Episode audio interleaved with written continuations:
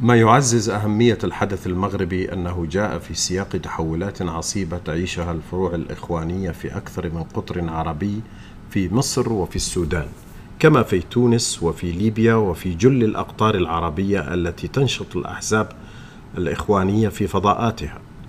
وعلى الرغم من كون كل كل التيارات الإخوانية العربية تعيش أياما صعبة نتيجة تداخل عوامل محلية وإقليمية ودولية إلا أن أكبر المتشائمين لم يكن يتوقع أن يكون انحدار حزب العدالة والتنمية المغربي بتلك الشاكلة.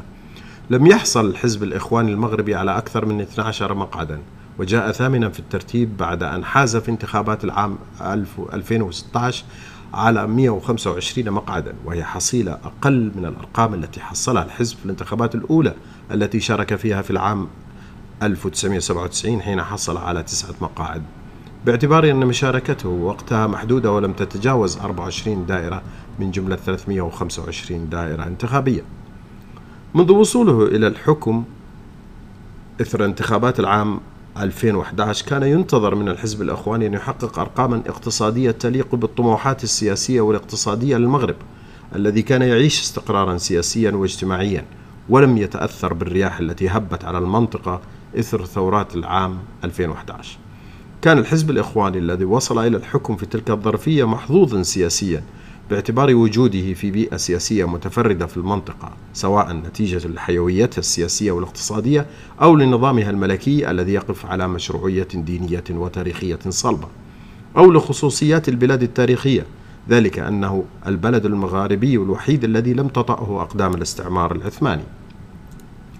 لكن مسار الصعود الإخواني لم يدم طويلا حيث توسعت القناعة الشعبية المغربية بكون الحزب بصدد خيانة تطلعات المغرب وأنه لم يلتقط المميزات السياسية والاقتصادية للبلاد ولم يحولها إلى مكاسب وأن حصادها الاقتصادي والسياسي لم يكن عاكسا للأرقام التي حصلها في انتخابات العام 2011 والعام 2016 ولعل تواتر المشاكل السياسية التي عرفها الحزب سواء في أورقته الداخلية أو في تعامله مع بقية الأحزاب كانت تنذر الحزب الإخواني بالنهاية التي حصلت يوم الثامن من سبتمبر الجاري. على ذلك فإن هزيمة إخوان المغرب كانت هزيمة طبيعية ومنتظرة لأسباب سياسية واقتصادية متداخلة وأيضا نتيجة عوامل فكرية وإيديولوجية. بعضها يخص المغرب نفسه وبعضها الآخر يشترك فيها في حزب العدالة والتنمية مع بقية الفروع الإخوانية في المنطقة. القول بأن هزيمة العدالة والتنمية في المغرب كانت نتيجة تصويت عقابي هو قول صحيح لكنه لا يغطي كامل الحقيقة. صحيح أن فئات واسعة من الشعب المغربي بدليل النتائج أيقنت أن حزب العدالة والتنمية غير قادر على تحقيق أي تقدم اقتصادي وسياسي في بلد يتقد حيوية ويحتاج فقط حسن تدبير وتخطيط لكي يضاعف سرعة نهضته.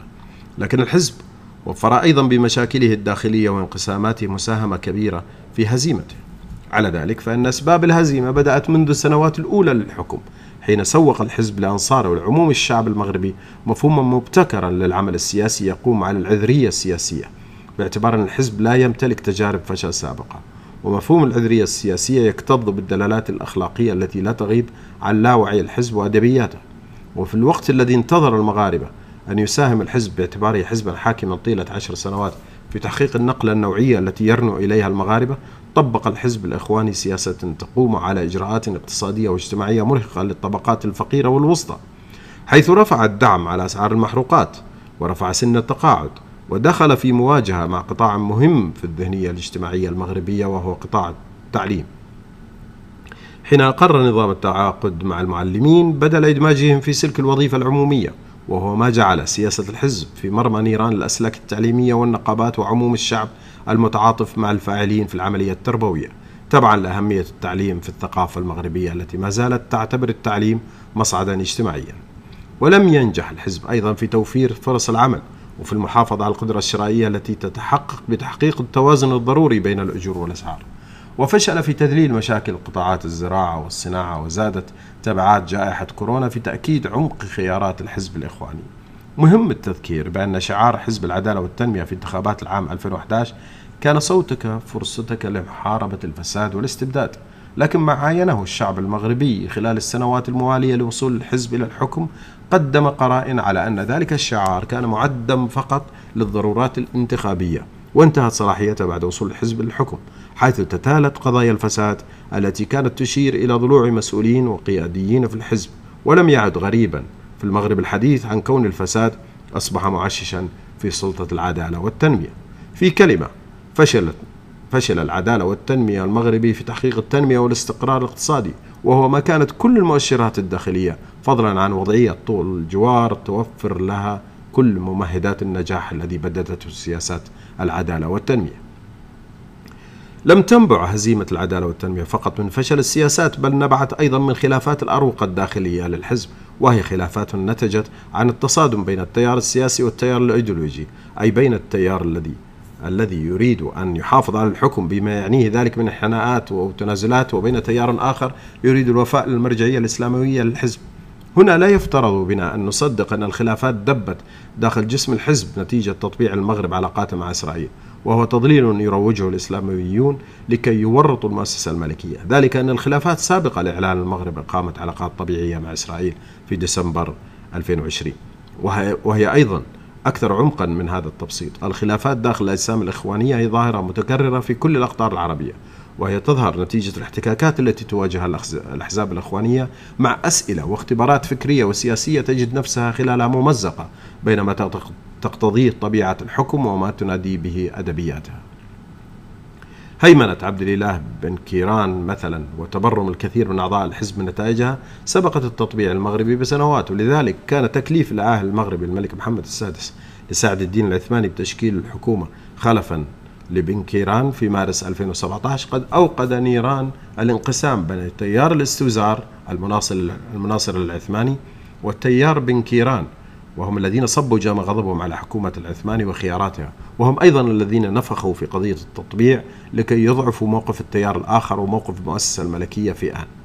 هزيمة حزب العدالة والتنمية وفضلا عن انعكاساتها الداخلية من ناحية كونها ستعسر إمكانية عودة الأخوان للحكم في المدى المتوسط على الأقل هي أيضا تأكيد جديد على أزمة يعيش الأخوان أزمة بأضلع متعددة. أولها يفيد بأن الأخوان والحزب المغربي في القلب منهم لا يتوفرون على برامج يمكن أن تفيد الناس وتصنع تنمية وتشيد عمرانا. وثانيها يشير إلى أن الأخوان دأبوا على تقديم الوعود ثم الانطلاق في التبرير عند كل فشل. وثالثها أن الأحزاب الأخوانية أصبحت خارج حسابات الفئات الشعبية والشباب العربي بعد أن تعزز اليقين بأنهم يعرفون الشرعية بوجودهم في الحكم. ويعرفون الديمقراطية بوصولهم إلى السلطة. ورابع الأضلع هو كون كل الأحزاب الإخوانية لم تحسم بعد هويتها السياسية حيث ظلت تترنح بين هويتها كجماعة دينية وبين صفتها كحزب سياسي. وكل الأحزاب الإخوانية كانت تقع في مطب التناقض بين مرجعياتها القديمة وبين مقتضيات القيادة السياسية الحديثة. الواضح أن السياق الإقليمي الراهن أكد أن هزيمة حزب العدالة والتنمية هي هزيمة طبيعية للأسباب التي أشرنا إليها. لكن ما أكده السياق الراهن أن كل الأطروحات الإخوانية تعيش انحسارا في العالم العربي ولن تعود إلى واجهة الحكم بالسهولة التي وصلت بها في السنوات الماضية لأن الشباب العربي لن تنطلي عليه الوعود التي سوقها له الإسلاميون منذ سنوات. المرحلة العربية القادمة هي مرحلة أرقام اقتصادية وتنمية وحيوية ومشاريع طموحة. ولن يجد فيها الإخوان ما يقدمون ولن يسعفهم بذلك تضليلهم القديم ولا مظلوميتهم المعتادة. درس جديد يأتي من المغرب بعد دروس مصر وتونس وكلها تتفق على أن الإخوان بلا مستقبل.